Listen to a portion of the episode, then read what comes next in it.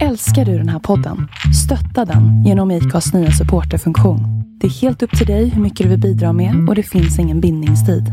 Klicka på länken i poddbeskrivningen för att visa din uppskattning och stötta podden. Ryan Reynolds here from Mint Mobile. With the price of just about everything going up during inflation, we thought we'd bring our prices down. So to help us, we brought in a reverse auctioneer, which is apparently a thing. Mint Mobile unlimited premium wireless. Ready to get 30, 30, bit to get 30, bit to get 20, 20, 20, bit to get 20, 20, bit to get 15, 15, 15, 15 just 15 bucks a month. So, Give it a try at mintmobile.com slash switch. $45 upfront for three months plus taxes and fees. Promo rate for new customers for limited time. Unlimited more than 40 gigabytes per month. Slows. Full terms at mintmobile.com. I'm Sandra, and I'm just the professional your small business was looking for. But you didn't hire me because you didn't use LinkedIn jobs. LinkedIn has professionals you can't find anywhere else, including those who aren't actively looking for a new job but might be open to the perfect role, like me. In a given month, over 70% of LinkedIn users don't visit other leading job sites. So if you're not looking on LinkedIn, you'll miss out on great candidates like Sandra. Start hiring professionals like a professional. Post your free job on linkedin.com/people today. Since 2013, Bombas has donated over 100 million socks, underwear, and t-shirts to those facing homelessness. If we counted those on air, this ad would last over 1,157 days. But if we counted the time it takes to make a donation possible, it would take just a few clicks. Because every time you make a purchase, Bombas donates an item to someone who needs it. Go to bombas.com slash ACAST and use code ACAST for 20% off your first purchase. That's bombas.com slash ACAST, code ACAST. Hej alla trogna lyssnare och varmt välkomna även till er nytillkomna lyssnare utav Sveriges mest tongivande podcast Två låtar och en kändis. Jag som sitter bakom micken heter Anders Näslund och denna gång kommer det verkligen att bli ett spännande avsnitt då gästen som denna gång sitter mitt emot mig inte bara har svart bälte i förhandlingsteknik han är dessutom advokaten och rådgivaren som hjälpt åtskilliga idrottsstjärnor att säkra sin framtid. Mina damer och herrar, låt mig nu i sedvanlig ordning och med största stolthet och respekt välkomna advokaten, författaren, programledaren och föreläsaren Karl Fager. Stort tack! Fantastisk prestation. Eh, kul att vara här. Ja, och det är jättekul att få ha med dig som gäst här i podden och vi ska väl faktiskt erkänna också att vi sitter faktiskt i eran egen studio. Ja precis, Eh, jag, jag driver själv en podcast, Förhandlingspodden och eh, ja, men när vi drog igång eh, det här på byrån, det var 2016, så sa vi det att ska en advokatbyrå göra någonting, vi har ändå liksom höga ambitioner, det kommer till kvalitet så får vi av, även ha en, en kvalitativ utrustning. Mm. Och det kan jag ju borga och intyga som nu sitter med den just här. Du, den här podden som du eh, drog igång, Förhandlingspodden, där vet jag att du hade Tobias Hysén som premiärgäst och jag hade hans pappa Glenn som premiärgäst. Där ser man kul sammanträffande. Ja, Mm. verkligen. Vi ska komma in mer på din podd och andra saker som du gör. Men först så vill jag naturligtvis fråga, hur står det till med Karl Fager en dag som denna? Jo men det är bra. Eh, Jag gillar sådär början på veckan, måndag, tisdag. Brukar tänka att det är som en skidbacke och så bara kör man utför. Eller nedför i vart fall. Ja. Eh, Så eh, nej, jag, är, ja, jag tror väl att mitt normaltillstånd är att vara på gott humör. Så att, jag är på gott humör idag också. Härligt. Du, Karl Ragnar Sigfrid Fager född den 18 mars 1975 i Göteborg. Helt rätt, eller Lindome tror jag det står i passet. Ja, Min far kommer därifrån. Så att, det är där jag tillbringade mina två första år. Eh, och tack för att du nämnde mina mellannamn. Det kanske inte är min, min, den stoltaste delen i passet men eh, ja, det, är- det är ju vad det är. ja, ja, men det, ja jag håller med dig. Då måste jag ju naturligtvis också komma in lite grann på det här med förhandling, men jag ska göra det i musikens tecken som denna podden till stor del handlar om. För jag tänker nämligen att musik likt förhandling är ett ämne som berör oss alla människor på ett eller annat sätt. Mm, utan tvekan, så är det. Eh, sen tror jag väl att musik, det, det är mer naturligt för folk att fundera kring att det berör oss. Förhandling, när man bara tänker på det, just det, det jag förhandlar ju hela tiden och det berör mig. Eh, men jag tror att man, om man, inte, man är nog inte medveten om, om den, eh, hur viktig den rollen är. Inte, Nej. inte, inte alla i vart fall. Om vi skulle slå ihop de två eh, sakerna lite snabbt här nu, så att musik och förhandling. Vilken låt skulle du vilja ha liggandes i bakgrunden i ett förhandlingsrum som fick dig att trigga igång? Nej men då tror jag väl att eh, kanske någon Nocturne av Chopin eller någonting.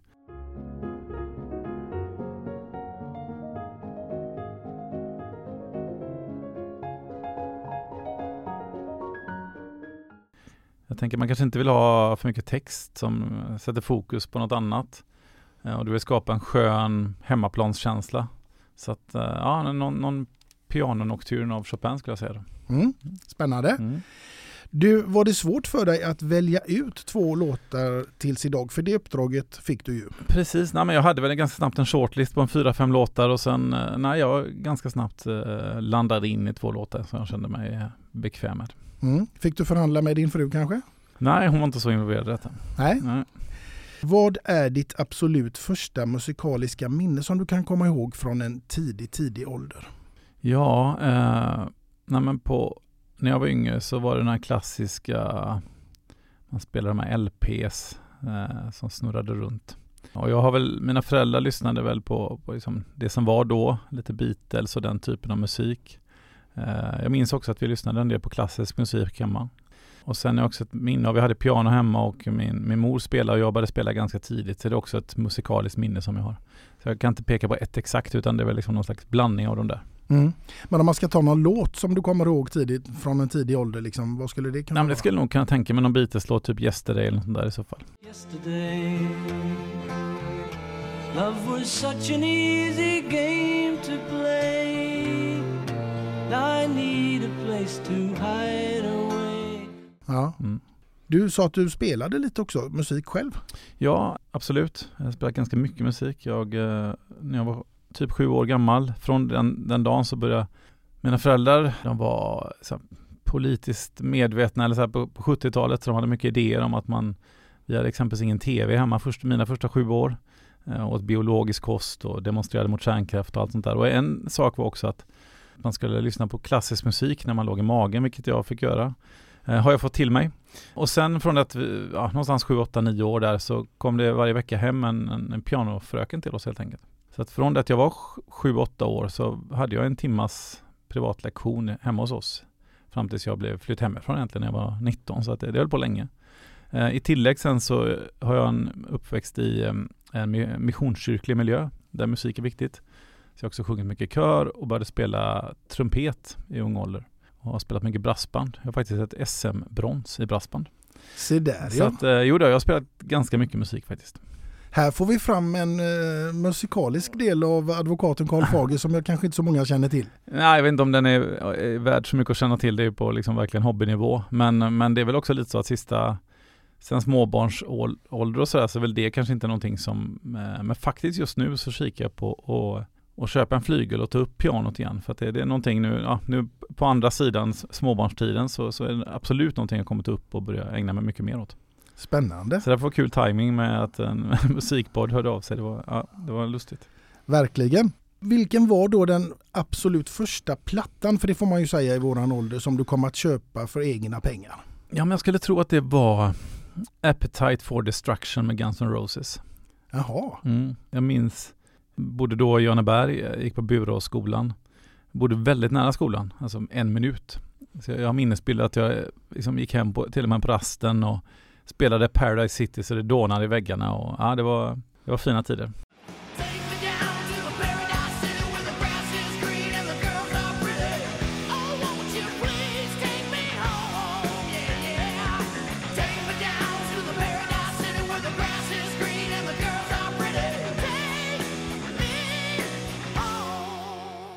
Ja, den gick varm helt enkelt. Den gick varm helt enkelt. Om vi tar oss ifrån det till en helt öde ö och då tänker jag att vi ska komma in lite grann på ett scenario som du ska få befinna dig i. Och det är just att du ska vara på en öde ö i ett helt år och du får bara ta med dig en enda platta till den här ön. Vilken skulle det bli? Då, ja du. Det vara någon som har någon slags hållbarhet. man inte tröttnar på. Men jag springer ganska mycket. Och Mm. då när jag springer, i vart fall när jag springer lite långsammare, så lyssnar jag mycket på Lars Winnerbäck. Så jag hade nog tagit med den plattan som heter Söndermarken. Eh, Den har jag, jag och Winnerbäck har ägnat oerhört mycket tid åt att, att liksom umgås. Bara jag och han när jag är ute och springer.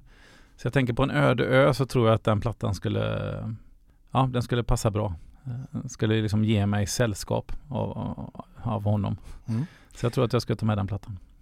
Jag ser gitarren i butiken, symbolen för skolka Sagan om ett uppror, drömmen om en högre höjd Ett sjörövarskepp som blåser rätt in i Los Angeles Och stjärnorna som glittrar och ingen jävel når mig någonsin mer Också spännande, det är inte bara premiärgäster som vi har gemensamt utan vi har också en favoritartist i alla fall gemensamt och det är ju Lars Winnerbäck då. Mm, mm, absolut, i så fall. Absolut.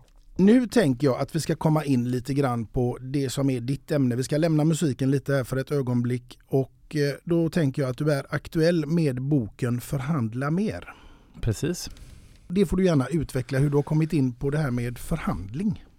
Ja, det började nog egentligen. Jag, jag, ganska tidigt i min karriär så fick jag chansen att uh, lite pausa min advokatbana och jobba som sportchef i BK Häcken. Så började där i oktober 2004 och det är ju ett oerhört förhandlingsintensivt yrke. Det, ju, det handlar ju egentligen om att förhandla hela tiden. Eh, I en högre grad än, än andra yrken. Eh, och jag är lite sån att när jag börjar med någonting så, så vill jag liksom nörda ner mig lite och lära mig mer. Uh, och så att då när jag förhandlar väldigt mycket i det så bör, ja, men då vill jag också läsa på lite om förhandling och bli bra på det helt enkelt. Och, och um, sen när jag då gick tillbaka till advokatbanan så, så, tyckte jag fortfarande det var kul och jag fick bara, bara få lite frågor om kan inte du föreläsa om förhandlingsteknik? Så började jag föreläsa om det och gjorde i det i flera år. Det är klart att då blir man ju, när du föreläser om någonting så tror folk att du kan någonting så började du få lite uppdrag i det. Så började jag förhandla, jag hjälpte många spelare att förhandla mycket, många kontrakt, jag hjälpte många att sälja sina företag, det är också mycket förhandling. Sen när jag förhandlat lite och tröttnat på min egen röst så tänkte jag starta den här podden, vi kanske kommer tillbaka till det. Eh, så, så jag tror att det, av någon anledning så blev det att jag började jobba mycket med det och det du gör mycket blir du bra på. När du blir bra på det så gör du ännu mer och så är du liksom inne i den spiralen lite. Så jag tror att, jag vet inte om det är svar på frågan, men där någonstans eh, tror jag att det handlar om. Så att det, ja, det, sportchefsjobbet triggar igång någonting som sen har växt, liksom någon slags snöbollseffekt i, i hur viktigt det är i mitt liv. Mm. Här finns en massa följdfrågor på det du just har berättat nu. Men jag tänker också att du nämnde här BK Häcken och de har ju faktiskt nu då tagit sitt första SM-guld och där skulle man väl kunna säga att du var med och la grunden till detta. Det tror jag är väldigt hårdraget. Det var, jag slutade där för över 14 år sedan. Men det var lustigt, jag gick ner i affären på, på Donsö och fick grattis Karl och sådär så att det Någonstans blev man ändå liksom lite profilerad i den rollen även om, om eh, och det har gjort att folk har förknippat mig med det men eh, nej det, det tycker jag inte man kan säga att jag har no någonting med det att göra. Men du var ju ändå med och gjorde värvningar som Stig Tufting och eh, Teddy Lucic eh, bland annat. Nej men så var det absolut. Eh, det var ju mitt uppdrag också att sätta Häcken lite på kartan. Eh, och jag, när jag började där så hade ju Häcken en väldigt defensiv approach. Jag minns jag pratade med lite folk i, i klubben och äh, A-laget har vi ju nästan bara för att vi måste egentligen. Den här klubben är ju mer ungdomsverksamhet än Gothia Cup. Eh, vi är ju med där laget som blir över i Göteborg. Eh, och, då, då när jag tittade lite på det där så såg man ju lite att hissingen var en självklar del av identiteten men man har inte riktigt vågat vara så kaxig med det. Så att vi, vi började jobba väldigt aktivt med det och konstatera att ja, men vi tar hissingen. Då har vi 130 000 invånare. Det är ju mer än vad många andra allsvenska lag har. Då, då får vi liksom en naturlig existens. Och det gjorde vi då. Och så kombinerade vi det med några lite kaxiga värvningar och sådär. Så att det, det, det var kul. Och det, det, det gav en viss effekt. Men det vi, det vi sa då var ju att laget behöver ju sportslig framgång över tid. Mm. Och det är det man har sett att, att de har fått nu. Mm. Många år senare och det är väl det som gör sen att liksom det riktigt stora lyftet kommer. Mm. Du, vi backar tillbaka till eh, ämnet eh, förhandling därför att då vill jag också passa på att fråga är det så att vi med våran jantelag här i Sverige är generellt sett sämre förhandlare än många andra? Ja, jag tror framförallt att det vi färre förhandlare och mindre förhandlare. Vi förhandlar mer sällan och vi är mer obenägna att göra det. Sen tror jag att när vi väl gör det så är vi nog inte så dumma på det. Men eh, jantelagen gör att vi drar oss för det, att vi har nästan någon slags förhandlingsångest. Och eh, det, det, tycker jag är väldigt synd och väldigt onödigt. Och det är väl liksom en, en, lite av min mission nu med podd och inte minst bok då. Att, att eh, få folk att upptäcka hur kul och hur lönsamt det är, inte bara för dig utan även för den du förhandlar med faktiskt, mm. att förhandla. Man kan ju ha förhandling långt utanför styrelserummen. Verkligen, du kan ha förhandling. Ja, men du förhandlar egentligen hela tiden. I hemmet, på jobbet, liksom, i din privatekonomi, hela tiden. Mm. Vad, vad, skulle du ge för råd till de här människorna som nu lyssnar på det här och tänker, men gud, jag kanske får börja tänka till lite här nu på förhandling? Ja, men jag hade nog börjat bara med inställningsfrågan egentligen. Att, att man bestämmer sig för att jag vill förhandla. Och bestämmer sig för det, ja men jag kan inte, okej men då får du skaffa dig kunskap så att du lär dig. Eh, och det gör man ju kanske genom att liksom läsa på lite, kanske lyssna på en förhandlingspodd och framförallt pröva att börja med det. Bara när du är i butik, på resan, löneförhandling, alltså att man, och att man då medvetandegör lite. Så att jag tror bara bestämma sig lite att nu ska jag, nu ska jag bli bra på detta mm. eh, och låta det ta lite tid så, så kommer man komma väldigt långt. Mm. Man kan börja med barnen. Det kan Ska du ha de blåa eller de röda pyjamasbyxorna idag? Absolut, förhandling i hemmet är ju ett, ett kapitel i sig eh, och, och eh, det, ja, det, kan man, man kan tillämpa många av principerna där också. Mm. Förhandling tänker jag som säljare som jag är till yrket till vardags. Det är, ganska, det är två ämnen som ligger ganska nära varandra. Ja absolut, försäljning och eh, förhandling ligger väldigt nära varandra. Mm. Det är ju vissa delar väldigt likande principer. Mm. Mm. Jag tänker på någonting inom försäljning som vi har, jag vet inte om du känner till det, men det heter DABA-metoden. Nej, jag känner inte till. Nej. Det där, det står för definiera mm. kundens behov. Mm. A innebär att du ska få ett accept på kundens behov. B bevisa att du har lösningen på kundens accepterade behov. Mm. Och det sista A accept på den då bevisade lösningen. Det är ju egentligen eh, grundbultarna i en behovsanalys kan man mm, säga. Mm. Och det gör man väl i förhandling i allra högsta grad. Ja men verkligen. Försäljningen blir väldigt, väldigt fokuserat på, på egentligen vad din motpart vill ha, vilket är väldigt bra för att ett misstag många gör med en förhandling är att man tänker på vad jag vill ha. Så att jag tror att kan man addera på DABA-metoden så, så har kommit en, en, bra bit på vägen. Eh, så att egentligen den metoden bör man göra i varje förhandling också egentligen. Mm, definitivt. Mm, mm. Du har ju faktiskt också tagit dig till eh, tv-soffan med eh, den här förhandlingstekniken och din bok. Ja, nej men, eh, förlaget, eh, Tukan förlag som, som jag körde boken tillsammans med var duktiga nog att snacka in, sig i, snacka in mig i Nyhetsmorgon i, eh, en lördagmorgon i början på på september och eh, kanske lite förvånande så, så tyckte de att jag var, ja, gjorde det så rimligt bra ifrån mig att de, de lite oberoende av det ringde igen här nu i början på året. Så det, det, var kul. Det känns som att ämnet förhandling lämpar sig för det formatet och, och sådär. Så det var, ja, det var roligt. Det som är intressant just man märker Nyhetsmorgon, vilken, ja, vilken impact det har. Folk tror att man är så mycket ja, bättre eller kan så mycket mer bara för att man, man, man varit med där, vilket givetvis inte är sant. Men Nej. Men det är intressant att se att Nyhetsmorgon har blivit någon slags eh, lägereld i det svenska samhället. Verkligen. Är det så att folk brukar stanna dig på gatan ibland och, så där och fråga om tips och råd? Och... Nej, det ska jag inte säga, men det hände lite lustiga saker. Det var inte så länge sedan nu jag skulle handla tuggummi på Pressbyrån. Och så, eh, så var det, ropade någon tjej där. Förhandla nu då! jag fann mig liksom, det blev, ja, det blev en, liksom en lustig situation där. Jag tänkte, ja men då får man ju leva som man lär här. Så att eh, absolut fråga, jag kan få tre för två? Jajamän tyckte hon. Det var, eh, hon var lika glad för det, hon försäljaren där. Vi garvade åt det och gick där. Så, att, eh, så, så, där kan det bli, men det, jag ska inte säga att det, är, att det är flera gånger om dagen direkt. Nej, underbart ändå. Ja, det var, det var roligt. Ja, men det är ju en viss skillnad naturligtvis att stå i Pressbyrån och förhandla om tuggummi till att eh, när du då med dina klienter som du har jobbat med, i, inte minst i fotbollsvärlden då, mm. ska sitta och förhandla om eh, kontrakt. Det måste vara en tuff värld tänker jag. Ja men en tuff är också mycket stort ansvar oavsett om jag hjälper en, en ung kille eller tjej att förhandla sitt livs första proffskontrakt eller om jag hjälper en entreprenör som har byggt upp sitt företag i 30 år att sälja sitt livsverk. Så är det ett stort ansvar att se till att, att det där blir bra. Så att, eh, det är absolut en, en, större utmaning än att förhandla tuggummin på, på Pressbyrån och det, det gäller att ta det med, med största, på största allvar. Mm. Vilken är din absolut eh, jobbigaste förhandling som du någonsin har gjort? Eh, oj, Eh, nej men jag tror väl att, att när man varit eh, med nere i Sydeuropa exempelvis när jag och Pontus Wernbloom förhandlade PAOK i, i Grekland. Den typen av, eh, just när, när, kultur, de kulturella utmaningarna blir stora eh, så, så, så, blir det jobbigt för att man, man vill väl och man försöker komma fram men det finns olika typer av barriärer som gör att det blir svårt. Så det kan absolut vara, vara en sån. Jag tycker också det kan vara svårt när man kanske förhandlar med väldigt stora organisationer, väldigt stora företag där det är så många beslutsfattare att du kommer liksom inte åt riktigt vem det är som bestämmer. Det kanske nästan inte ens finns någon som bestämmer. Det kan också tycker jag vara väldigt frustrerande. Mm. Jag tänker nu när jag har dig framför mig här eh, i studion och så mm. tänker jag att han Mino Raiola, Zlatans mm. agent som nyligen gick bort dessvärre. Men han var väl agentbranschens mest berömda och också kanske omstridda företrädare. Ja, nej, men det är väl han, kanske Jorge Mendes som är de som två, två, två av de största. Nu gick ju Mino tyvärr bort. Men absolut, det, det är en, var ju en stor profil i, i agentbranschen. Kanske också skapade lite sin egen nisch med att vara lite stökigare. Och, men, men i det fanns ju också att han stod upp för sina klienter. Eh, vilket det finns något, något väldigt bra i. Så att eh, ja, det, det fanns eh, som vi alla har, vi har varje styrka en svaghet och tvärtom. Mm. Fick du träffat honom någon gång? Ja, nej, men vi träffades nere i Eindhoven en gång när jag var där på match. Eh, pratades vid lite, trevlig kille. Mm.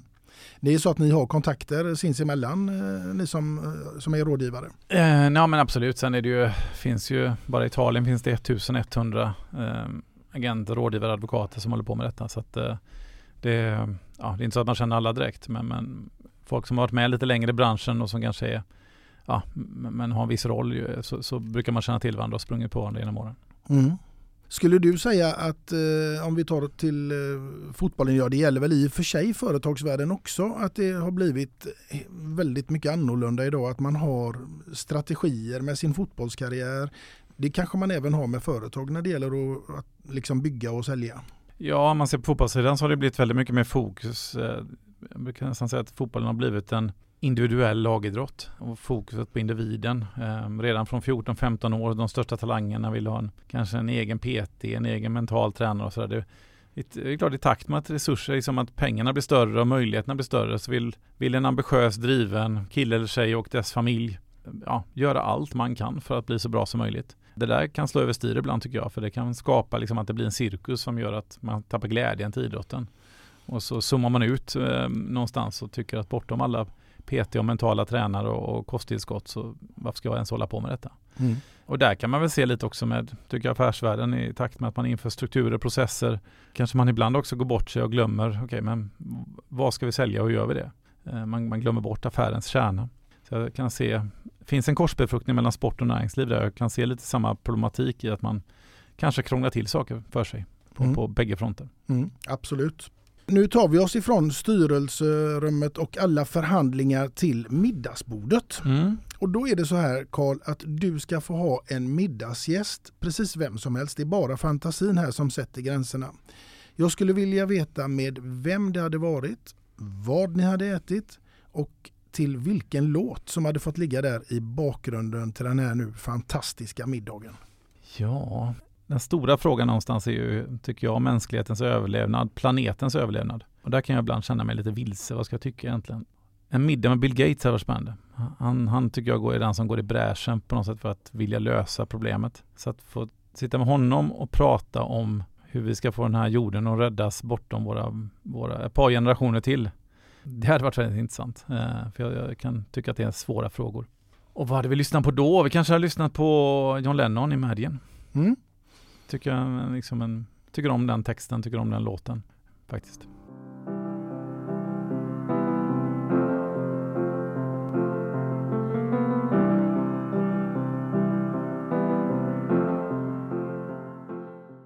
Och vad hade du bjudit eh, Bill Gates på till middag då? Ja, men jag bor ju ute på Donsö så att, eh, får jag bli fisk eller skaldjur, kanske en skaldjursplatå.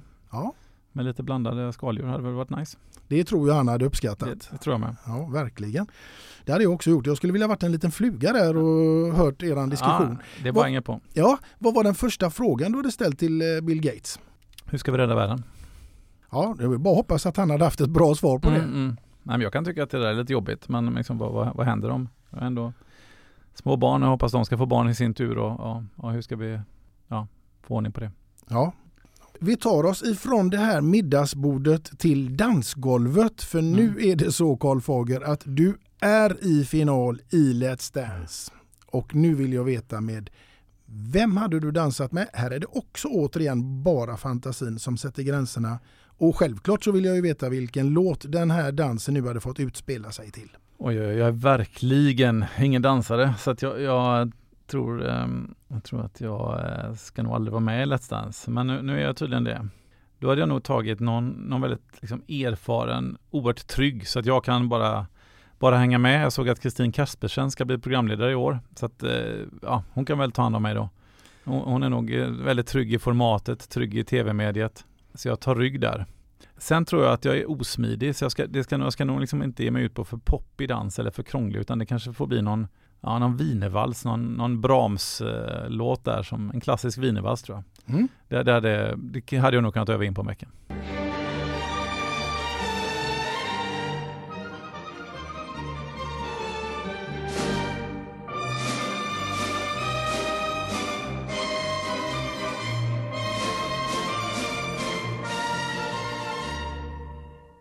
Spännande. Mm.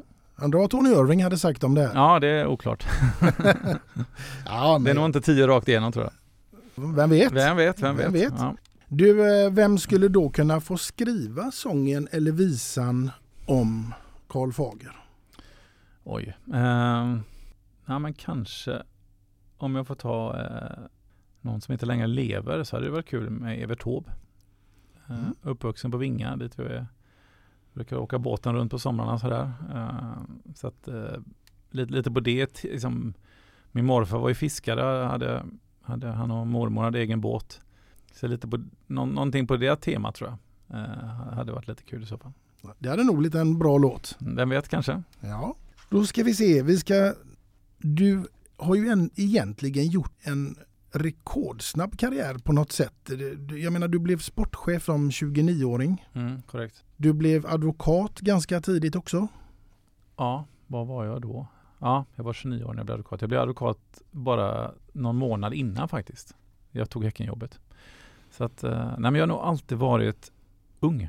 Eh, jag var, som sagt, jag uppvuxen i, i Johannebergs missionsförsamling också, där min, mina, mina, min familj var, var och är medlemmar. Och där blev jag ordförande i SMU när jag var 14. Sen i GSIF, den fotbollsklubben jag var engagerad när jag pluggade. Ja, så hoppade tränarna av. Sen när jag var 19 så var jag plötsligt tränare. Så att jag, jag har nog alltid utsatt mig för saker ganska tidigt. Eh, så jag har nog alltid varit ung. Det, det, det är nog en riktig spaning tror jag. Mm. Ja, det verkligen. Det får man ju lov att Mm. säga. Eh, och det är för övrigt nu är det lite omvälvande just nu måste jag säga faktiskt. För jag har alltid varit yngre. Vad jag än har gjort så har jag varit en unga. Så här, oj, ung sportchef, ung advokat. Här på kontoret, så här, ung delägare. Och så märker jag nu att jag är inte ung längre. Nej. Jag går in i möten där jag är äldst. Och det, liksom aldrig varit van vid det. Så det, det, det är, jag vet inte, skräckblandad förtjusning. För man märker ju att det kommer ju någonting med att vara äldst. Det kommer en, en möjlighet, liksom någon slags pondus finns det i erfarenhet. Samtidigt också en, en väldig risk i att du blir en sån där gubbe som tror att man kan någonting. Bara för att man har varit med länge. Så att eh, ja, jag behöver, det är någonting jag jobbar lite med just nu. Att den här liksom Karl som alltid varit den, den unge är inte det längre. Och, och när vi pratar om det nu så är det ju så att det här avsnittet det släpps ju faktiskt på din födelsedag som är nu på lördag. Tack för påminnelsen. Ja. Och då blir du? 48.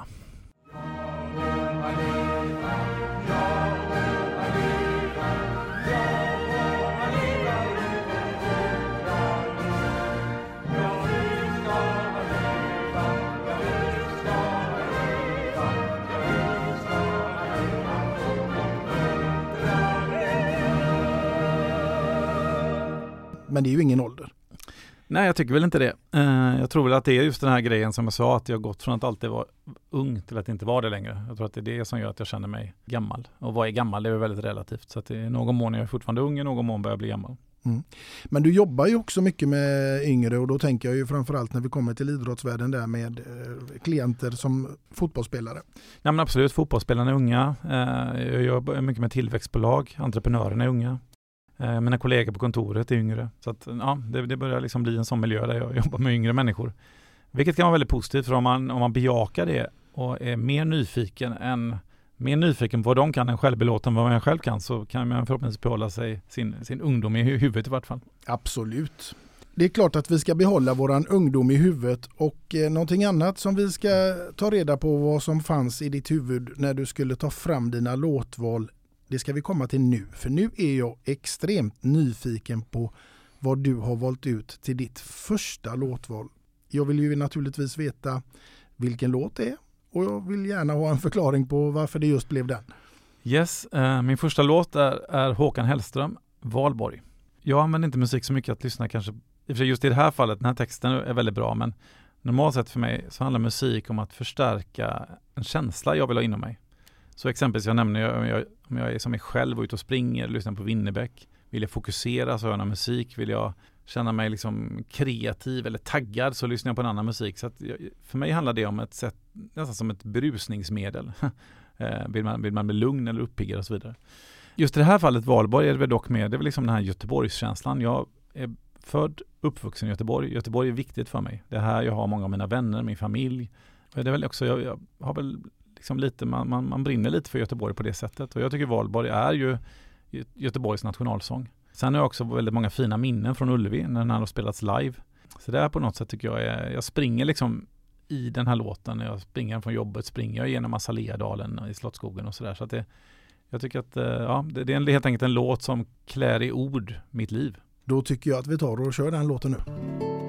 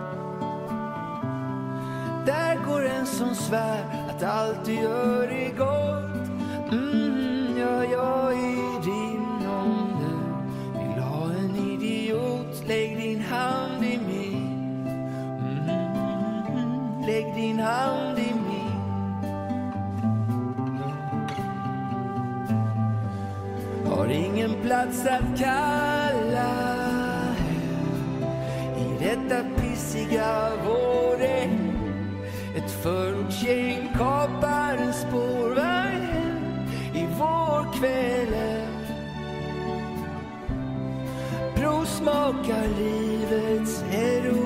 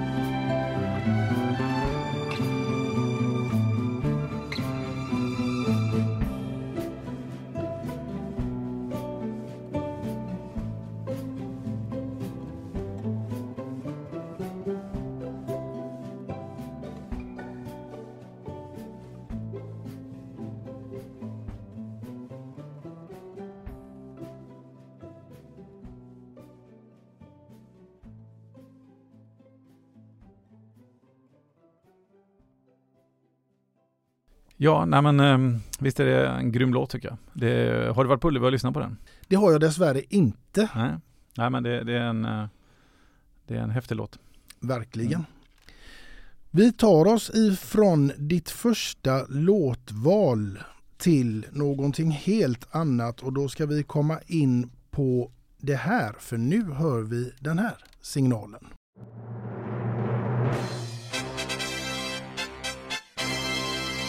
Det betyder ju fem snabba här till Karl Fager och då undrar jag, är du redo?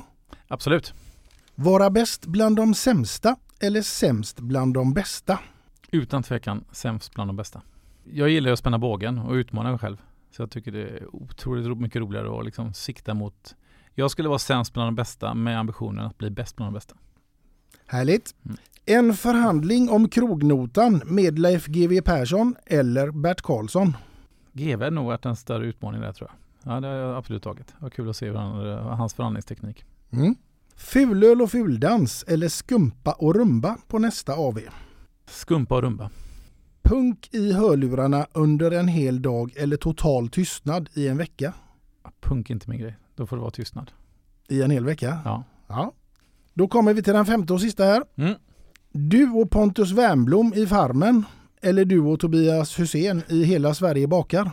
Ja, det är två roliga killar bägge två. Men baka, jag älskar att laga mat men baka är inte min grej. Farmen snarare i så fall. Det är kul. Jag och Pontus där. Nej, nej, vi hade nog kunnat göra kaos. Vi, vi kör på det. Du och Pontus Wernbloom i Farmen? Utan tvekan. Ja, det hade man ju inte velat missa, det kan jag säga. Uh, inte missa Pontus där i vart fall. There's never been a faster or easier way to start your weight loss journey than with PlushCare. PlushCare accepts most insurance plans and gives you online access to board-certified physicians who can prescribe FDA-approved weight loss medications like Wigovi and Zepbound for those who qualify. Take charge of your health and speak with a board-certified physician about a weight loss plan that's right for you. Get started today at plushcare.com slash weight loss. That's plushcare.com slash weight loss. plushcare.com slash weight loss. Even when we're on a budget, we still deserve nice things. Quince is a place to scoop up stunning high-end goods for 50 to 80% less than similar brands. They have buttery soft cashmere sweaters starting at $50, luxurious Italian leather bags, and so much more. Plus, Quince only works with factories that use safe, ethical, and responsible manufacturing. Get the high-end goods you'll love without the high price tag with Quince. Go to quince.com slash style for free shipping and 365-day returns. Hiring for your small business? If you're not looking for professionals on LinkedIn, you're looking in the wrong place. That's like looking for your car keys in a fish tank. LinkedIn helps you hire professionals you can't find anywhere else, even those who aren't actively searching for a new job but might be open to the perfect role. In a given month, over 70% of LinkedIn users don't even visit other leading job sites. So start looking in the right place. With LinkedIn, you can hire professionals like a professional. Post your free job on linkedin.com slash people today. Millions of people have lost weight with personalized plans from Noom. Like Evan, who can't stand salads and still lost 50 pounds. Salads generally for most people are the easy button, right? For me, that wasn't an option. I never really was a salad guy. That's just not who I am. But Noom worked for me. Get your personalized plan today at Noom.com. Real Noom user compensated to provide their story. In four weeks, the typical Noom user can expect to lose one to two pounds per week. Individual results may vary. Burrow's furniture is built for the way you live. From ensuring easy assembly and disassembly to honoring highly requested new colors for their award-winning seating, they always have their customers in mind. Their modular seating is made out of durable materials to last and grow with you. And with Burrow, you always get fast, free shipping. Get up to 60% off during Burrow's Memorial Day sale at burrow.com slash ACAST. That's burrow.com slash ACAST. burrow.com slash ACAST. Nej då. Du, eh, nu ser du, eh, så ska vi ta oss ifrån de här fem snabba till någonting som kanske inte hade gått eh, lika fort, eller så hade det det. För nu undrar jag så här. Du går där hemma och städar, radion är påslagen. Helt plötsligt så dyker det upp en låt på radion som får dig att känna, nej, det här åker av eller jag byter kanal. Ja men så här, dansband, det stänger nog av. Eller riktigt brötig hårdrock. Då åker det av helt ja, då enkelt. Åker det, då åker det av. Ja, det förstår jag. Mm. Ja, inte dansband, det kan jag tycka är lite småtrevligt. Ja, men som sagt, jag, jag sa ju det att liksom, jag använder musik för att förstärka en känsla. Jag ser inte riktigt vilken känsla det förstärker. Eller om det är på annat sätt en väldigt fin text eller en bra låt, det är det inte heller. Så att se, ja, det känns som uh, slöseri med tid att lyssna för min del. Mm. Vi ska ta oss till någonting annat för nu är det nämligen så här att du ska få en möjlighet att eh, revanschera dig mot kanske vissa personer. Mm. För din uppgift det blir nu här att placera ut kamrater, medarbetare, människor du har träffat under årens lopp som här passar in under respektive karaktär och då pratar jag om sagan om Snövit och de sju dvärgarna som har ett antal karaktärer i form av Kloke Toker, Trötte Bötter, Glader, Blyger och Prosit. Mm. Och nu undrar jag vem av alla du skulle ge epitetet Kloker? Kloker lär vara någon som är ja, eftertänksam och, och, eh, och sund på alla sätt. Nej men i den delen, Jag tänker jag hade nog tagit eh, Oskar Hiljemark som nu är assisterande tränare i Ålborg. Mm. Han är klok. Han är väldigt, väldigt liksom nyfiken, ser till att skaffa sig bra kunskap, fatta överlagda beslut. Ja, absolut. Mm. Vi tar oss från kloket till dess raka motsats och då hamnar ju vi hos Toker. Toker skulle kunna vara, eh, tycker jag, Pontus Wernbloom i så fall.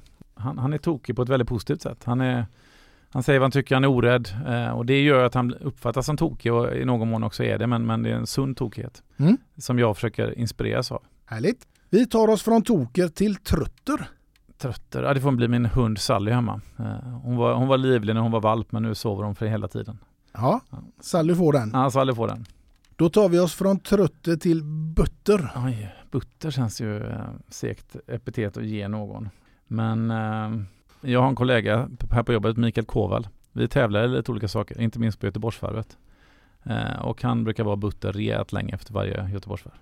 För att han har förlorat mot dig. För att han har förlorat med mig. Ja. Mm. Vi tar oss från Butter till Glad idag. Ja, där skulle jag vilja putta in min eh, dotter Maja i så fall, min yngsta dotter. Alltid glad eh, och, och eh, det är väl härligt att ha barn på det sättet. De, de, de ger glädje och energi. Mm, verkligen. Från Glade tar vi oss nu till Blyger. Blyger. Ja, där skulle jag i så fall vilja ta ganska många av, eh, egentligen ta lite av advokatbranschen lite blyg. Så jag får utse en bransch till Blyger. Mm. För det blir ju, folk kommer ibland till mig sådär, Karl du som är advokat, hur, liksom, hur vågar du och ha en podd och skriva böcker och sådär. Men, men, för det är en lite blyg bransch. Eh, och det är väl en annan sak jag försöker uppmuntra. Nu, nu är jag på en, på en byrå där jag tycker folk är, vågar vara lite offensiva, men att man, det är synd att, att man ska kapsla in sig själv. Mm. Så att advokatbranschen får bli blyger och med, med en liten eh, uppmaning om att eh, ja, höja sig lite. Härligt. Nu kommer vi från eh, Blyger och advokatbranschen till Prosit. Ja, haft lite spe, spe, man tar eh, sån som Emil Kraft nu som liksom slår sig in i Newcastle och åker på en väldigt oturlig skada. Det är ju inte prosit men det är ju aj då. Mm. Så han är ett sånt exempel tycker jag på spelare som man undrar om att de ska få vara friska. Eh, och det hoppas vi att Emil kommer få vara nu och att han kan ta tillbaka platsen i landslaget och, och få spela Premier League. Eh, så att han får väl bli en symbol för, för, för de som där skador och sjukdomar har gjort att man, man bromsas lite. Så det, han kan väl, Emil Kraft kan få bli prosit. Det får han definitivt bli. Vi lämnar nu sagan om Snövit och de sju dvärgarna och tar oss tillbaks till ditt ämne Karl och då hamnar vi ju på det här med eh, bland annat förhandling och mycket annat som ingår i ditt advokatyrke. För du är ju rådgivare och ledningsstöd till styrelser och bolagsledningar också. Mm. Vad är det du bidrar med där? Det är väl lite olika beroende på, men dels sitter jag i lite styrelser eh, och dels eh, som du säger så är man kanske lite mer informell rådgivare ibland. Jag tror ibland, det, det är väldigt olika. Lite yngre bolag behöver ju hjälp i bara hur ska resan framåt se ut? Om vi ska ta in pengar, hur gör vi? Så att i den delen kan det vara bara att man, man har varit med ett tag nu så man bara bygger ett nätverk och man kan hjälpa till att sätta ihop folk. Sen det där med att äga bolag ihop, det blir ofta lite ägarstrider. Att vara en lite medlare i, i sådana situationer. Och sen tycker jag bara det faktum att vara någon på axeln. Många ägare, vd är ganska ensamma. Och man har inte alltid någon att prata med och bara bolla saker. Så att bara vara ett samtalsstöd i sig kan faktiskt vara, vara värt. Um, så att, ja, det är väl en kombination av, av, av, olika saker, tror jag. Jag försöker se mig själv som någon som hjälper folk att bli liksom, i sitt bästa jag. Jag ser inte mig själv, jag sitter inte på några sanningar. Jag, jag har egentligen inte någon stor kunskap, men däremot kan jag hjälpa andra att hitta sin kunskap. Mm. Det, är väl, det är väl så jag försöker jobba. Verkligen. Du, jag har hört att det finns någonting i eh, ämnet när det kommer till förhandling som heter ankring. Absolut. Det handlar om att som utgångspunkt om jag och du förhandlar så ska man ju lägga första budet. För vad som händer då är att man ankrar eh, och alla ni som har varit ute med båt på sommaren vet att ja, det fäster någonting och det är då det här budet som ankras. Och sen blir det att allt utgår från det. Båten ligger där vid, an vid ankaret. Det, det, är liksom förhandlingen, den åker inte, det sätter stopp. Eh, så att eh, det, det, är ju en, en, ett medskick till många och det, det, är när jag är ute och föreläser mycket om det här så frågar jag, vill ni lägga bud eller inte? Och folk tycker det kan vara lite jobbigt. Det är skönare om du lägger första budet så ser jag lite vad som händer. Eh, men eh, det är väl en sak om, om ni ska ta med något förhandlingstips från den här podden. Så våga pröva lägga första budet så, och, så kommer ni få den här ankringseffekten. Den, den kan vara rätt bra. Mm. Finns det ingen risk att man går bort sig i förhandlingen om man lägger första budet? Det är det absolut och det är ett undantag för när man inte ska lägga första budet. Det är egentligen om man inte hunnit göra sin förberedelse. Om, om jag och du ska förhandla om någonting som jag inte har en aning om vad det kostar. Nej, självklart. Då ska inte du lägga första budet. Men det är en annan del av förhandlingstekniken. Du ska vara så förberedd att du inte riskerar att gå bort dig. Mm. Så förberedelse är också ett ord som ligger varmt om hjärtat? Det ligger verkligen varmt om hjärtat och det är inte konstigare än att, att eh, ja, apropå Göteborgsvarvet då, ju, som, ju, ju mer du tränar desto fortare går det. Och med en förhandling, ju mer du förbereder dig, ja, desto oftare, desto bättre går det. Och det är väl någonting, det är slående för mig ändå. Jag har ju ändå varit inne i förhandlingsrum där vi pratar om ja, många hundra miljoner upp till miljarder på bordet. Och det kommer in relativt oförberedda förhandlingsteam. Det, det, är ju ägnat att förvåna tycker jag. Det tror man ju inte. Det tror man inte. Det finns fyra viktiga element, vet jag att du har sagt någon gång, i, när det gäller att ta med sig i en förhandling. Ja, nej men fyra, fyra grundprinciper man kan sätta lite och, eh, och det vill egentligen tillbaka lite till din försäljningsmodell. Det är mer att det är bra om man ställer sig frågan vad vill jag ha och vad kan jag ge? Och vad vill du ha och vad kan du ge? Liksom, förbereder man sig kring det och funderar kring det så, så brukar nästan det andra gå ganska bra. För, för det misstaget många gör är att man bara ställer sig frågan vad vill jag ha? Och kanske vad kan jag ge? Mm.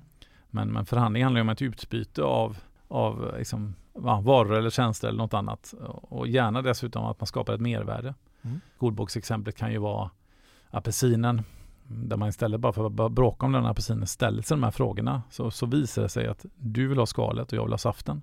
Och så löser vi den förhandlingen ganska elegant. Ställer man sig de fyra frågorna kan ju låta väldigt simpelt men, men förhandlingsteknik är inte så himla märkvärdigt utan det är mer om att göra, att göra enkla saker. Mm. Och när det kommer till enkla saker tänker jag så tänker jag nog att det finns en myt om att goda förhandlare ska vara som hämtade ur den sicilianska maffian. Det vill säga både hårda, kalla och inte minst dyra. Nej, precis, och det är en, det är en myt. Eh, den lever ganska fast rotat. Eh, jag vet jag föreläste för föreningen Sveriges chefsjurister, alltså några av Sveriges mest liksom, upphöjda förhandlare, liksom mest erfarna.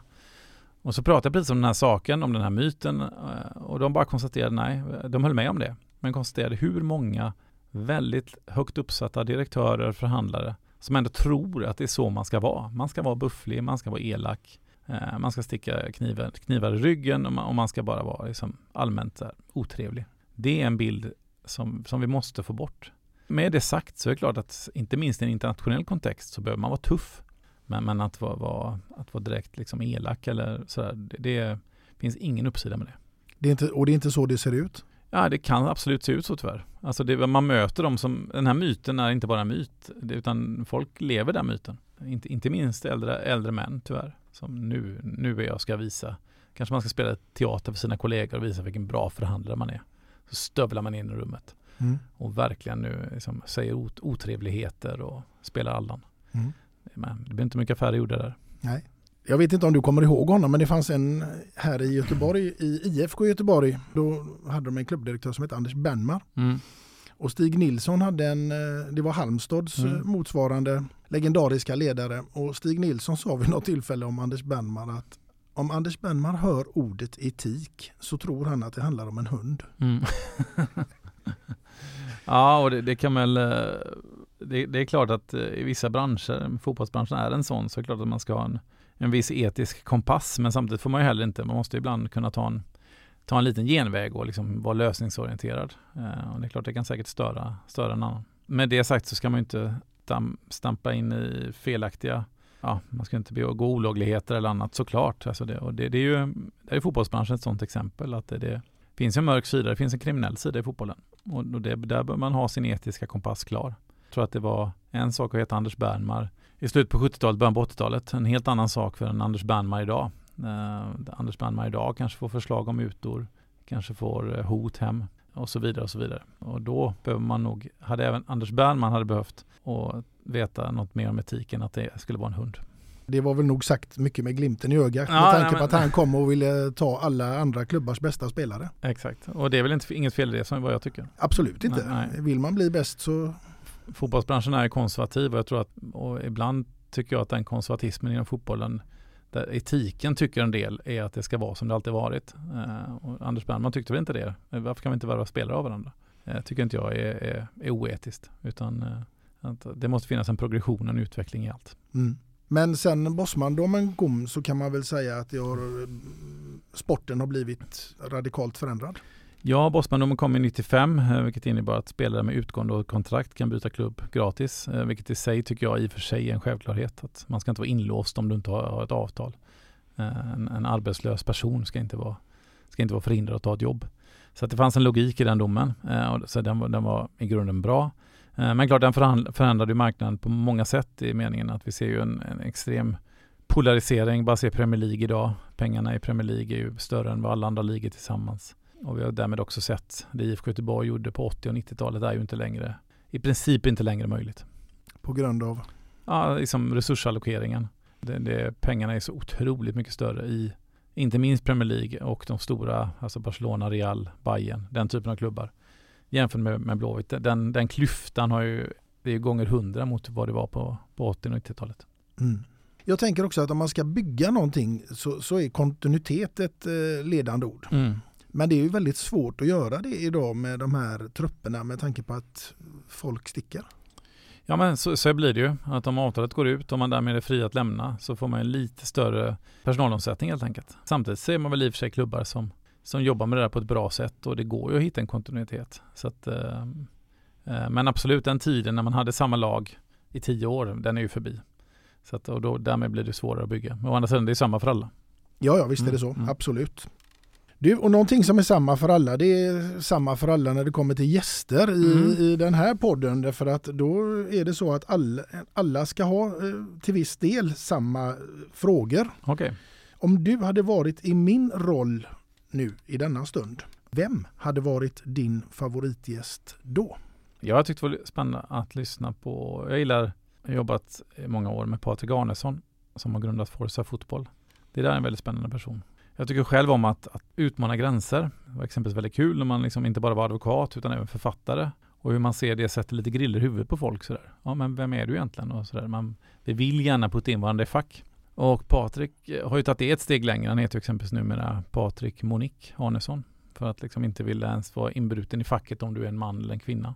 Eh, och det gör han inte. Liksom, det är inte så att han har gjort någon könsbyte eller sådär utan mer bara för att utmana.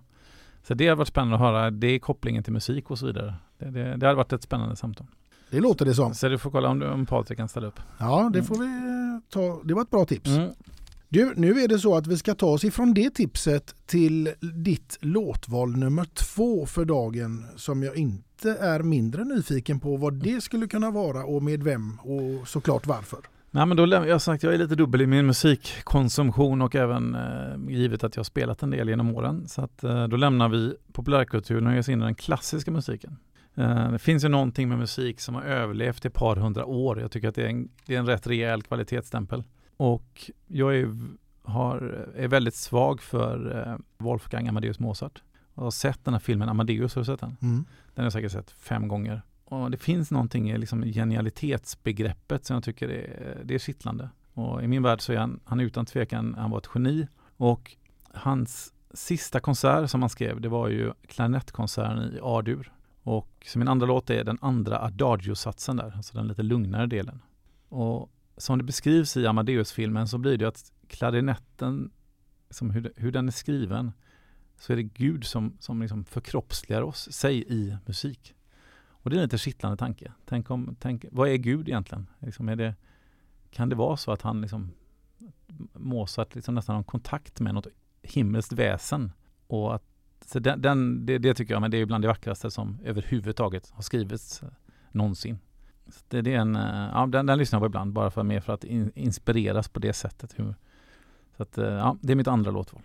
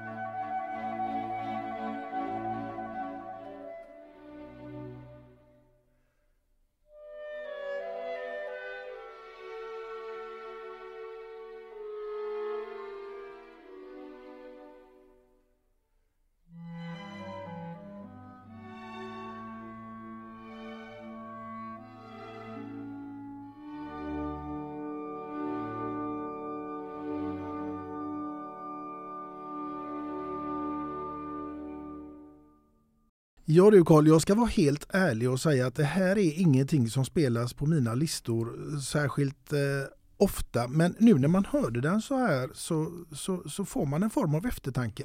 Ja, nej, men det, det, ehm, det finns ju en, tycker jag, liksom en, en intellektuell höjd i, i de här riktigt vassa klassiska låtarna som, som eh, ja, sagt, det finns en anledning till att de har överlevt.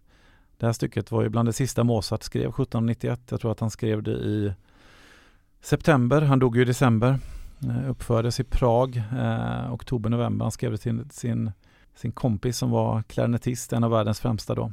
Så jag tycker hela den grejen, den här låten, att det var det sista han gjorde i princip innan han gick bort alldeles för ung.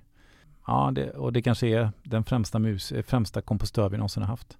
Så, så, det finns något speciellt kring det här verket som, som eh, ja, jag tycker, jag tycker att det, det, är lite häftigt faktiskt. Ja, jag kan bara instämma. För jag tycker vi, lever liksom, vi konsumerar så mycket och det kommer en ny låt idag, så en massa nya låtar imorgon och det, saker bara flimrar förbi och TikTok och ja, det, vi konsumerar saker. Vi vill inte längre tillbringa 30 sekunder framför en skärm, vi vill tillbringa 3 sekunder. Och så har vi en låt som i det här fallet är ett stycke som, som fortfarande förtrollar folk så många hundra år senare. Mm. Det tycker jag, det finns någonting där. Verkligen. Mm.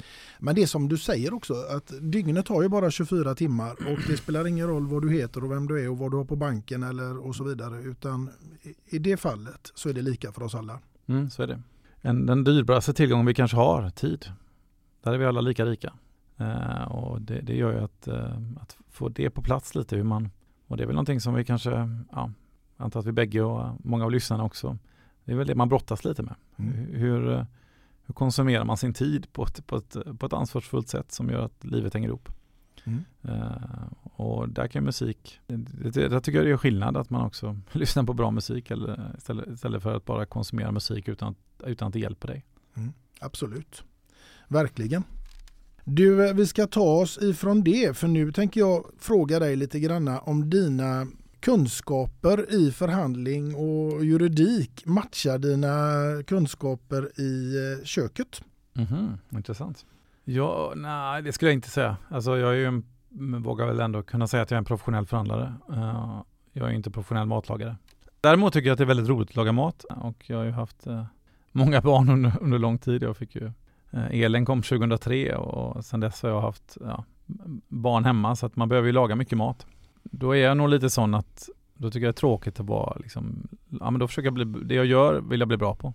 Så att jag är nog rimligt bra i köket. Eh, men eh, nej, jag är inte professionell på något sätt, tvärtom. Så att, mm. Eh, nej, har, de matchar inte. Nej, har du någon paradrätt? Paradrätt? Nej, det ska jag inte säga. Utan jag är liksom lite perioder där. Och tar gärna fram lite kokböcker och men Myllymäkis fiskbok där, där finns det ett recept med en tomatvinägrett och en, och man om man steker torsk eller sej något liknande. Det, det, är väl någon slags, den funkar väldigt bra. Mm. Du, eh, då ska jag fråga, vad innebär ordet livskvalitet för Karl Fager? Ja, vad innebär det? Um, det innebär för mig att ha långa goda relationer. Och det innebär att hantera, tillbaka till tiden, att du har satt dina prioriteringar i hur du hanterar din tid. Så att du inte behöver springa runt och stressa eller ha dåligt samvete utan jag blev väldigt inspirerad när jag, apropå podd, jag poddade med Fredrik Wester som är på Paradox och har ju ja, mycket, obviously mycket att göra. Och så sa han, ja men familjen första hand, jobbet andra hand, vänner tredje hand. Uh, och det var vid en tid när jag själv, ja, jag hade inte riktigt koll på de här grejerna. Jag tyckte, ja, jag var lite all over the place. Så att det har jag lärt mig sen att, att ja men egentligen den prioriteringen tycker jag funkar väldigt bra. Mm. Uh, för det gör att då behöver du aldrig ha dåligt samvete. Om, om, uh, om din dotter ringer och behöver din hjälp, bra men då, då är allt då gör du det. Och om du har en viktig jobbgrej samt som en kompis, ja men då, då gör du jobbgrejen. Och så umgås du med vänner när du får tid över och då har du tid över. Eh, så att jag tror långa goda relationer och att, att uh, hantera sin tid på ett sätt som, som ger harmoni någonstans.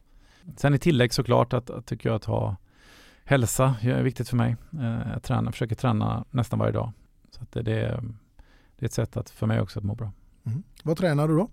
Jag springer mestadels. Mm. Och lite gym. Mm. Paddel? Nej. Det, nej, det är mer, jag åker aldrig bil. Så att, och det, ja, bilarna ligger ju lite utanför stan sådär. Så att, nej, du åker det, aldrig bil? Nej, i princip inte. Nej. nej. Så, och det, har du inte bil så ja, då blir inte paddel så, så relevant. Och sen på, alltså löpning är väldigt bra för att du kan göra det när du vill, hur du vill. Eh, har du då den här prioriteringen lite någonstans, liksom, okej okay, familj, jobb, och där någonstans kanske sen din egen träning kommer då. Så det är klart att då, då, eh, då hamnar du i ett läge. Om du då ska planera in massa paddel, liksom, okay, men då, då kommer du vara avboka den hela tiden för att familjen och jobbet kommer att sätta käppar i hjulet. Men däremot löpning kan du alltid ha, eh, bara ha liksom två, på löp, två löparskor i bakfickan så kan du alltid springa. Eh, sen är ju transportträning, eh, det kan vara ett tips ställa. Det är ju, jag tycker många säger, jag hinner inte träna. Jo, du kan, många kan träna till eller från jobbet. Så att jag brukar då eh, någon gång i veckan springa till Saltholmen från stan och hem från Saltholmen. Vilket är 11-12 kilometer. Så att och springer jag då en, någon gång i veck, helgen också så har jag en 3-4 mils löpning eh, i veckan och då, då har du en, en, en bra träningsdos. Mm. Men vi måste ju ha mött varandra någon gång, alltså både på Saltholmen och givetvis, och, men jag tänker på fotbollsplan också för jag lirade lite med Björkåsen där på, på jag kommer inte ihåg vilka år det var, men då hade vi de här Göteborgs studenter i, i serien och Lövetista och allt vad de nu hette. Ja, men det, det, hade, det gjorde vi säkert. Det var ju härliga tider och fotbollen är som bäst på många sätt. Jag minns när vi mötte ett lag som hette Göteborgsäng. som, som eh, ja, det var någon slags oldboys-lag nästan. Eh, folk i ja, min och din ålder numera. Eh, och så helt plötsligt minns jag när vi spelade 11 mot 11, så helt plötsligt försvann alla. Vi var 11 mot 0. Och vad hade hänt nu då? Nej men det var uppe vid Gullren Södra där parkeringen ligger bredvid planen och någon har ropat Parkeringsvakt! Alla bara rusar av planen mitt under spelet. För att lägga på, lägga på parkeringsbiljetten. Så eh, ja, det är många härliga minnen från de tiderna. Så att, eh, ja, hoppas vi har mötts i det sammanhanget. Det har vi säkert gjort mm. och ja, det var väl tur att de gjorde det för det var inte så välbetalt att spela i den serien. Nej, lite så. Så jag tror att det var, det var nog en bra kalkyl de gjorde det snabbt. Mm. ja, det behövdes ingen längre förhandling för den. Nej, lite så. Ja. Hur ser då framtiden ut för Karl Fager och vad kan vi förvänta oss där? För du har ju skrivit en bok och då undrar man ju om det blir någon uppföljare. Vi vet att du har en podd och vad har vi för spännande gäster att se fram emot i den? Ja, nej men jag är väl på ett ställe i livet att jag, eh, jag unnar mig att göra roliga saker och bra affärer med människor jag gillar. Det är min paroll. Och det gör att jag, jag tycker om, också om att ha eh, lite olika järn i elden. Så att det är så den, den och, och någon slags röd tråd i allt det att jag tycker om att hjälpa människor och företag att växa. Så att, det låter lite pretentiöst kanske, men, men det som passar in i det där, ja, ha kul och göra bra saker. Eh, och sen kommer min nyfikenhet leda mig och man ser vart, vart det tar vägen. Men utan tvekan kommer jag fortsätta jobba med fotboll, jag kommer fortsätta eh, hjälpa företag, eh, köpa, sälja bolag, ta in pengar, sitta i styrelser. Det kan mycket väl bli en andra bok. Eh, jag fick till mig från en klok person att man inte är en riktig författare innan du skrivit din andra bok. Så att det får jag ta till mig av. Podden går vi nu in på säsong 13. Tema AI och teknik som jag tycker är hysteriskt spännande. Eh, podden är ett sätt för mig att, apropå liksom styra sin nyfikenhet, att jag får träffa, men som jag antar att det är liksom samma som för dig, även om det inte var så kul gäst idag kanske, men normalt sett, man, man, får, man får access till väldigt spännande människor, så man behöver inte ha någon, liksom, jag behöver inte gå någon annan utbildning än det där. Träffa liksom de bästa experterna i Sverige på olika ämnen. Så att, eh, nej, jag ser väl framför mig egentligen lite som det har varit sista åren, att jag har förmånen att vara på en, på en, på en arbetsplats och en advokatbyrå som, som tillåter mig att vara nyfiken och som ser liksom en uppsida för dem i det, att jag är, jag är ute mycket och gör, gör många olika saker. Eh, ja. Och sen är också efter boken blev det att man har börjat föreläsa lite mer. Också det är kul. Komma ut, möta människor, höra deras umbäranden kring, kring både liksom i jobb och privat, i det här med förhandling och så vidare. Så att det är också ett nyttigt sätt att möta många människor. Mm. Så ja, jag, jag ser med, med stor tillförsikt fram emot mot även de kommande åren i livet. Och det gör eh, både jag och lyssnarna också med mm. stor spänning eh, att få följa dig. Tack så hemskt mycket.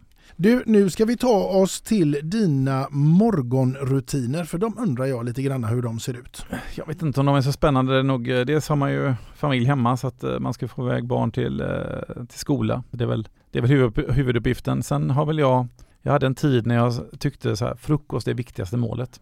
Men sen har jag väl tänkt till lite och sen, ja, med ålderns rätt nu så får man lite tänka på kaloriintaget så att jag har väl tänkt på det, man ligger i sängen hela natten, nej jag behöver inte något stort mål så jag, jag äter högst en macka men eh, när jag liksom är på G så äter jag ingenting.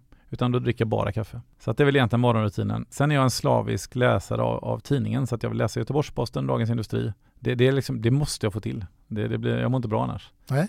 Så att läsa de två tidningarna, numera digitalt då. Dricka kaffe, få iväg barnen till eh, skolan eh, och sen dra till jobbet. Mm. Det jag fiskade här efter, det var ju om kaffet var en viktig del för dig på morgonen. Jo men absolut, det ska jag verkligen säga att eh, ja, jag kan nog klara mig utan det. Men, nej, men jag dricker kaffe varje morgon. Ja, ganska mycket. Jag kan dricka så här, tre, fyra koppar. Oj! Ja, och sen dricker jag nog inte så mycket mer. Nej. Utan det är på morgonen. Mm. Vad bra, för att det är nämligen så här att jag ska naturligtvis be att få bidra med någonting till dina morgonrutiner hädanefter. Och det är ju med våran fina kaffemugg, två låtar och en kändis. Och givetvis har du fått ditt namn ingraverat på denna muggen som dessutom kommer då ifrån Peter Bärkroth och Bäst i väst ska vi tillägga. Snyggt, stort tack. Ja, ja, nu blir kaffet ännu godare på morgonen. Ja, det Så det hoppas kanske blir jag. fem koppar istället. Ja, det är ingen som kommer att ta miste på att det är din mugg i alla fall. Nej, det känns som att det, det ligger i farans riktning att den här tillhör mig. Ja. Tack, tack så hemskt mycket. Du, det har varit en riktigt, riktigt stor ära att få ha med dig här i eh, podden. Kul att vara med, mitt nöje. Ja.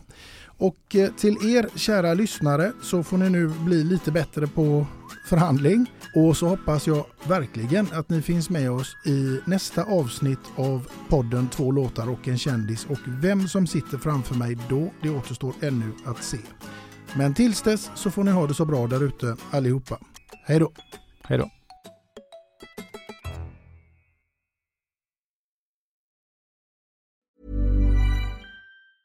Planning for your next trip? Elevate your travel style with Quince. Quince has all the jet setting essentials you'll want for your next getaway, like European linen, premium luggage options, buttery soft Italian leather bags, and so much more. And is all priced at 50 to 80% less than similar brands. Plus, Quince only works with factories that use safe and ethical manufacturing practices.